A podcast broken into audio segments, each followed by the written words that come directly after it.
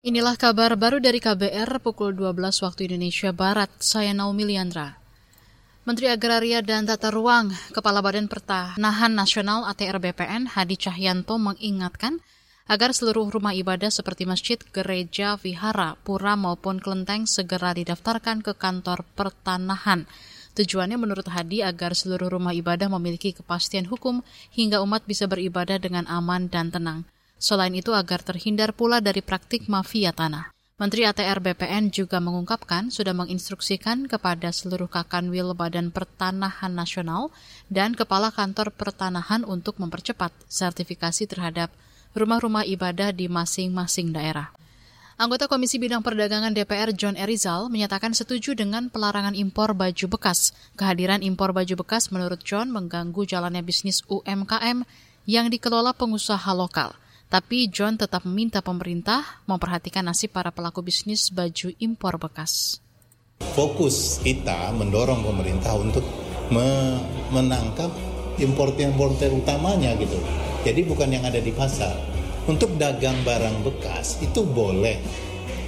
Import barang bekas yang tidak boleh itu yang perlu di, dicatatkan. Jadi kita prihatin ya terhadap uh, saudara-saudara kita yang uh, berdagang dengan barang-barang bekas ini. Namun uh, kita harus carikan solusi gitu. Jadi peran mereka di sini kita arahkan peran berperan lebih ke UMKM. Itu tadi anggota Komisi Bidang Perdagangan DPR John Erizal. Sebelumnya Menteri Perdagangan Zulkifli Hasan mengatakan para pedagang boleh berjualan pakaian bekas selama barang tersebut bukan merupakan pakaian bekas impor.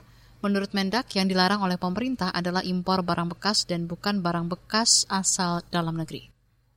Pasien rawat jalan dan rawat inap peserta Jaminan Kesehatan Nasional JKN di Rumah Sakit Umum Pusat RSUP Dr. Karya di Semarang, Jawa Tengah diklaim mendapat kemudahan berkat penerapan layanan surat eligibilitas peserta berbasis elektronik atau ESEP.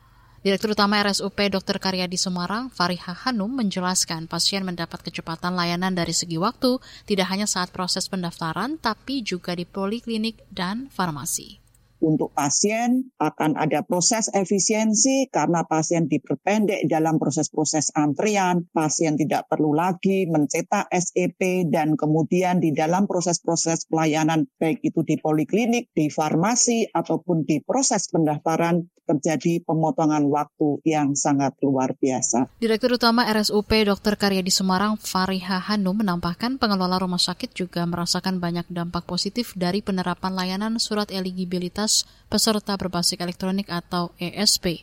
Misalnya, rumah sakit tidak perlu lagi menyediakan kertas untuk mencetak dokumen pasien, efisiensi SDM, dan efektivitas proses klaim ke BPJS Kesehatan.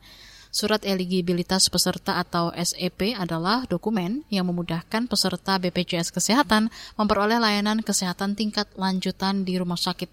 Surat tersebut bisa didapat setelah mendapat rujukan fasilitas kesehatan satu atau puskesmas. Demikian kabar baru saya Naomi Liandra.